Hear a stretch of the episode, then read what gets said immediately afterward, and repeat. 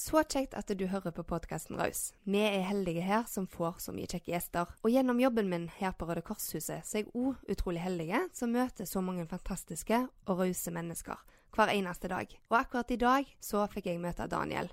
Og da tok jeg han rett og slett med meg opp her på podkastrommet. Her kommer en liten del av hans historie. I dag skulle vi egentlig bare møtes med og snakke litt. Og så idet vi begynner å snakke, så kjenner jeg at jeg blir så engasjert. Så da bare inviterer jeg deg opp på podkastrommet her. Og du er med. Ja, ja, ja. Det er klart. Helt supert. Um, vi har jo snakket um, sammen tidligere, for um, du deler mye av deg sjøl og er utrolig engasjert i forhold til dette temaet rundt psykisk helse. Fortell litt om, om deg og, og, på en måte dette, dette engasjementet du har. Ja, altså hvor skal man begynne? Altså, Man må jo kanskje begynne med litt hvor jeg kommer fra sjøl. For når du snakker nå, så hører vi jo at eh, det er ikke haugesundsdialekt, selv om du av og til svisjer over på det. Nå har jeg nettopp oppdaga. Ja, ja. Eh, nei, altså, jeg er jo opprinnelig fra Trondheim. Flytta fra Trondheim i 2006. Eh, men flytta til Haugesund i 2011. På grunn av kjærleiken? På grunn av kjærleiken, vet du. Ja. Den er uransakelig, som de sier. Så Ja. det, ja. Nei da, så da har jeg jo bodd her siden da. Men årsaken til at jeg flytta først og fremst, var jo nettopp fordi at jeg var i den situasjonen sjøl med at eh, ja, min mentale helse var nådd bunnpunktet, for å si det rett ut. Jeg begynte jo egentlig, det her begynte jo egentlig når jeg gikk i andre klasse på barneskolen. Eh, Langt tilbake i tid. Veldig langt tilbake i Ja. tid, og jeg vet jeg er langt ifra alene om akkurat den biten. Eh, og det var jo mobbing det gikk i, eh, egentlig fra andre klasse til første året på videregående. Og klart, det gjør jo noe med en person, og spesielt når man da er i en livssituasjon i tillegg hvor man føler at man er litt annerledes. At man kanskje ikke er sånn som alle andre. Hva, hos, hva legger du i det? Nei, altså Det går jo på det med at jeg kom ut som homofil da jeg var 20. Kunne jo sikkert ha kommet ut mye tidligere hadde det vært eh, en annen livssituasjon og en annen eh, hverdag på skolen.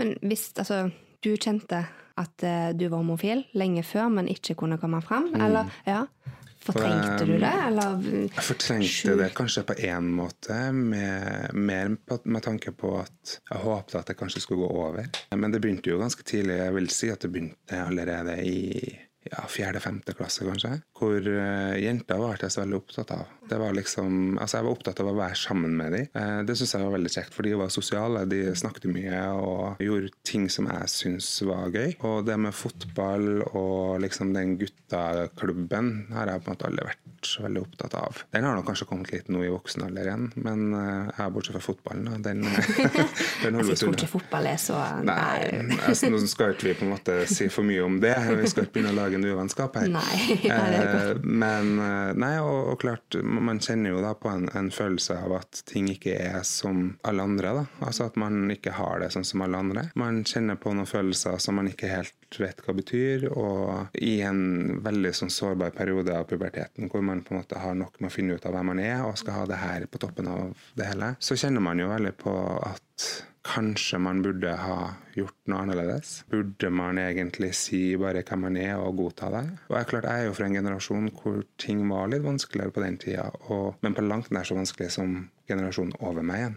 Så det her har jo tydeligvis blitt lettere og lettere med årene, for det ser man jo på den yngre generasjonen i dag òg. Jeg snakker jo litt mer, iallfall åpent, mm. i forhold til dette med legning og Ja. ja.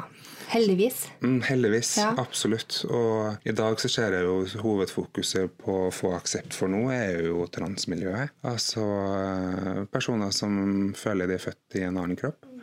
Eh, og jeg kjenner jo på et engasjement der òg, på at man skal få lov til å være som man er. Kjærlighet til kjærlighet. Og mennesker er mennesker, uavhengig av hva man føler seg som, hva man kjenner seg som. Altså, så lenge man på en måte har det bra. Og det, det er på en måte det jeg er opptatt av. Og det er kanskje derfor jeg er litt opptatt av det med mental helse òg, og spesielt blant menn. Og spesielt når man nå ser at selvmordsstatistikken blant menn mellom 30 og 50 år er på det aller høyeste i forhold til hvordan det har vært før, så tyder det jo på at det er jo det er jo faktisk min generasjon. Og man kjenner jo veldig på den at man kanskje ikke er fullt så åpen i den aldersgruppa der som kanskje den yngre generasjonen er. Mm, Har du gjort deg noen tanker om hva, hva som gjør det? For du sjøl framstår, som jeg eh, sier innledningsvis òg, at du, du deler jo er jo åpen om din historie og kan på en måte ja, bruke, bruke noen av dine erfaringer. Hva som gjør at eh, du tenker at kanskje generasjonen, og spesielt menn, kan være lukka? Menn har alltid hatt en sånn utadfigur på at vi skal være tøffe, vi skal være den støttende, vi skal liksom alltid være den som ordner opp i ting. Eh, det er i hvert fall det vi har blitt lært opp til av samfunnet. Så jeg tror at det har mye med at man skal alle vise følelser for at man er mann. Man skal være tøff, man skal være sterk. Men man ser jo òg, altså man har jo gjort masse forskning på det, som viser at menn som tør å, å vise følelser, de har jo faktisk mindre mindre psykiske problemer enn menn som ikke gjør det. For menn som ikke gjør det, tror jeg fortrenger veldig mye, fordi at de skal ha den, ja, den tøffe, det tøffe ytre skallet. da. Og så er det jo klart, det er jo mye, altså det er mye lettere å hjelpe de som er åpne. Og dette er også noe vi har snakket om i tidligere episoder. men litt dette med eh, Jeg må jo gi beskjed om hva jeg trenger hvis jeg har det vondt. På, sam, på lik linje som, som er du mann og, og trenger hjelp til noe.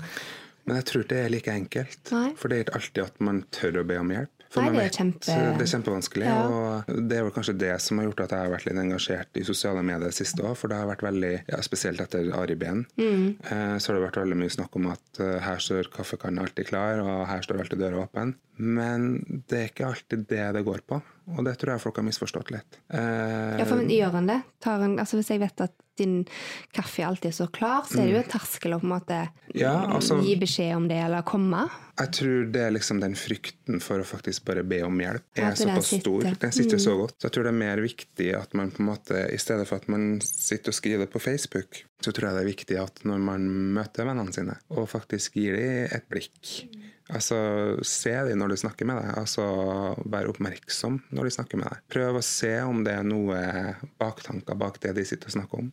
For det kan det ofte være. Det vet jeg av egen erfaring òg. Jeg møtte veggen når jeg var 22 og ble oppdaga av en fantastisk lege. Jeg skulle egentlig bare ha noe å sove på. Eh, Men han skjønte jo veldig fort at det var noe helt annet. Så du oppsøkte han egentlig ikke på altså, Overhodet ikke. Nei. Nei. jeg hadde ingen problemer. Nei. Eh, Ifølge mitt eget hode så var liksom mine problemer var mine problemer. Ja. Eh, For det er det jeg vokste opp med. Det er sånn det skal være. Altså, dette er to år cirka da, etter du, du kom ut som homofil. Mm. Jeg allikevel så levde i et uh, samboerskap, og vi skulle gifte oss, og vi hadde kjøpt leilighet, og livet var egentlig utad ganske fint. Men eh, så er det de mørke kveldene hvor man sitter alene. Det er da det kommer. Og det, det tror jeg veldig mange er klar over, at det er alltid når man er ute blant folk at ting kommer fram. Det er når de kveldene når man sitter alene og liksom får gjennomgått dagen sin, og så begynner man på de gamle tankene som på en måte kommer tilbake igjen. For man vet ikke helt hvordan man skal legge det bak seg. Og det var jo det som skjedde med min del òg. Jeg ble jo arbeidsnarkoman. eh, Jobbet 14-16 timer i døgnet i håp om å bare få tankene på noe annet. For på jobb hadde jeg det helt fantastisk. Da kunne jeg blomstre, da kunne jeg smile, ha det gøy og liksom ikke Glemme tenke, ja, mm. ikke tenke på alt det andre som lå egentlig og venta på meg når jeg var ferdig på jobb. Så, så klart, når man da endelig fikk hjelp, så var det jo Jeg kom jo inn med tanke på hvorfor jeg er her. Jeg har jo ikke behov for noe hjelp. Men klart, og det ser man jo litt på psykiatrien i dag òg, og det er jo det som bekymrer meg veldig. Det er jo den køen som er på psykiatrien. For klart, når man, sånn som da jeg skulle få akutt hjelp i Trondheim, så ringte han eh, til akuttmottaket på psykiatrisk eh, og sa at jeg har en person som må ha hjelp nå. Eh, og får da til svar, og det her er jo snart, altså det er jo 15 år siden, og får beskjed om at ja, eh, det skal han få om seks måneder. Hvor er det legen som ringer og sier at du trenger akutt hjelp. Mm. Og da sier det meg litt om at psykiatrien er jo like fortvila sjøl òg. Ja, absolutt. Det er jo en, en Vanskelig situasjon. veldig vanskelig situasjon. Og, og klart når du da har en person som trenger akutt hjelp, og kan få hjelp om et halvt år, det sier seg sjøl at da er det jo for seint. Så jeg måtte flytte, og det her var i 2006. Så det er rett og slett grunnen til at du da flytter på deg? Mm, det er det. Ja.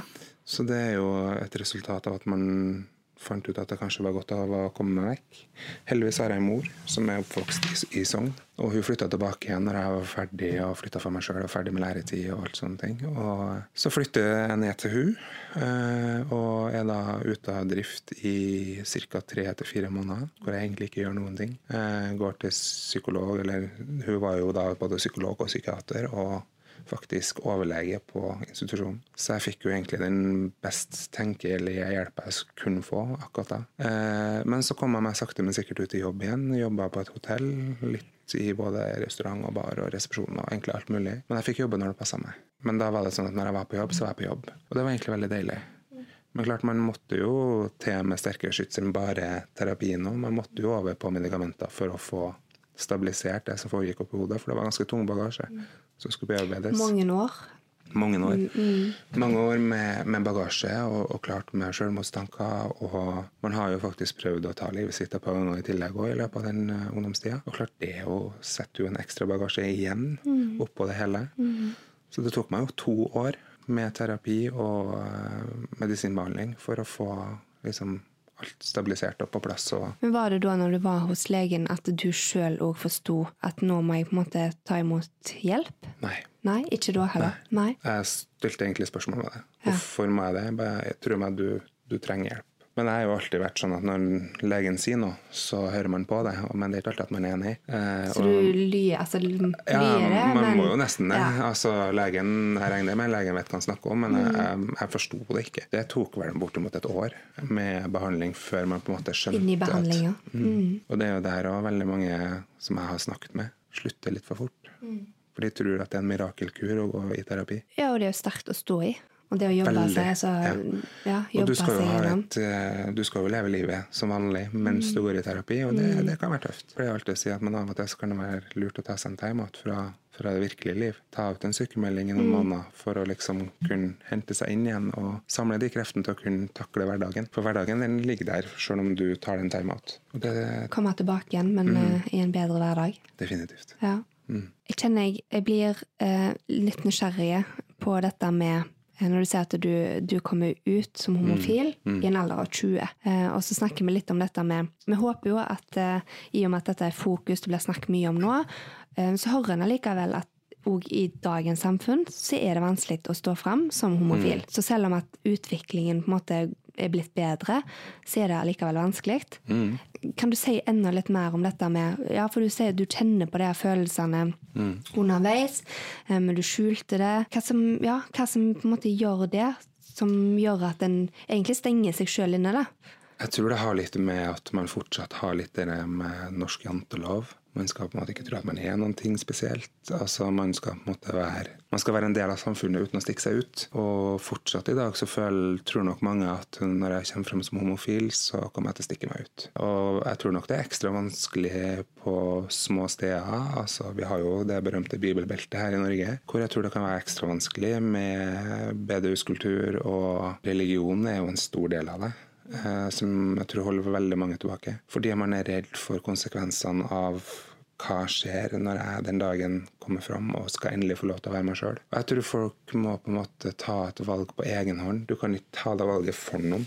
Var det noen som prøvde å hjelpe deg? Altså Var det noen som rundt deg som, som visste, eller som Det var veldig mange som forsto det, tror jeg.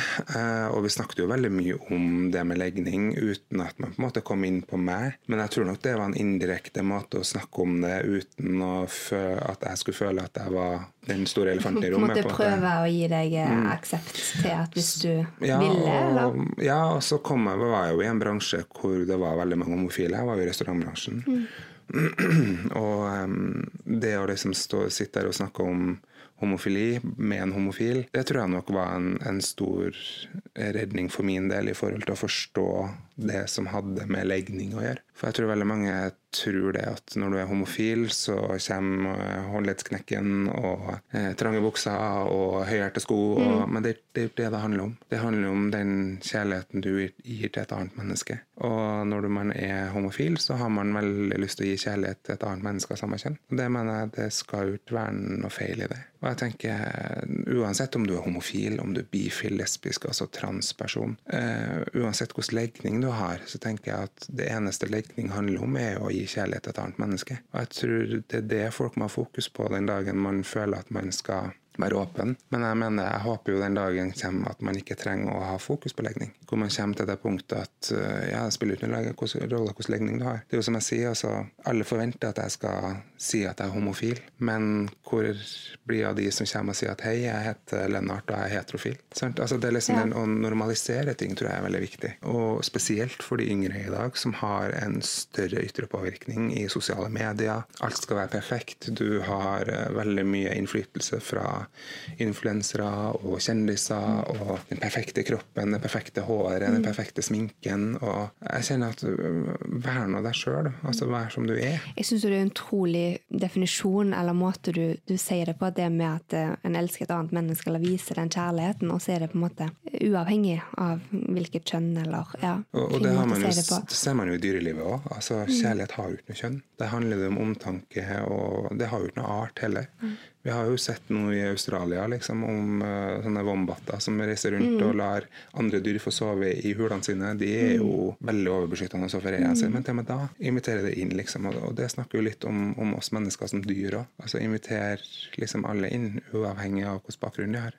Det tror jeg er veldig viktig. Og det er jo klart det er jo veldig mange andre som har en annen forutsetning for hverdagen sin, òg, som gjerne har havna litt på ei feil linje, som man alltid snakker om. Altså Man gjerne har noen rusproblemer, man har ja, problemer med å fremstå med legningen sin, man har problemer med å ja, ikke minst mental helse. Altså Man har det gjerne litt tøft. Og Det tror jeg er veldig viktig å, å ha fokus på. Ha fokus på at man skal få lov til å være som man er. Og har man det tøft, så skal man få lov til å si det, og ingen skal på en måte ta det for det. Jeg tror det er utrolig, utrolig viktig. Og så eh, merker jeg jo at eh, det med når du er så åpen eh, og deler så raust av din historie, eh, så gir det på en måte muligheter for andre som enten kanskje har samme bagasjen eller lik bagasje med seg, eller som kanskje også står i, i ting akkurat nå. Og det er jo det der jeg kjenner jeg blir utrolig engasjert, for det er jo klart at eh, det at eh, vi hører på fagfolk er utrolig viktig, det at andre prøver å bry seg er utrolig viktig, men, men nå kanskje å få, få høre det fra noen som ingen historier er like, men at en har på en måte stått i noen av de samme tingene, da.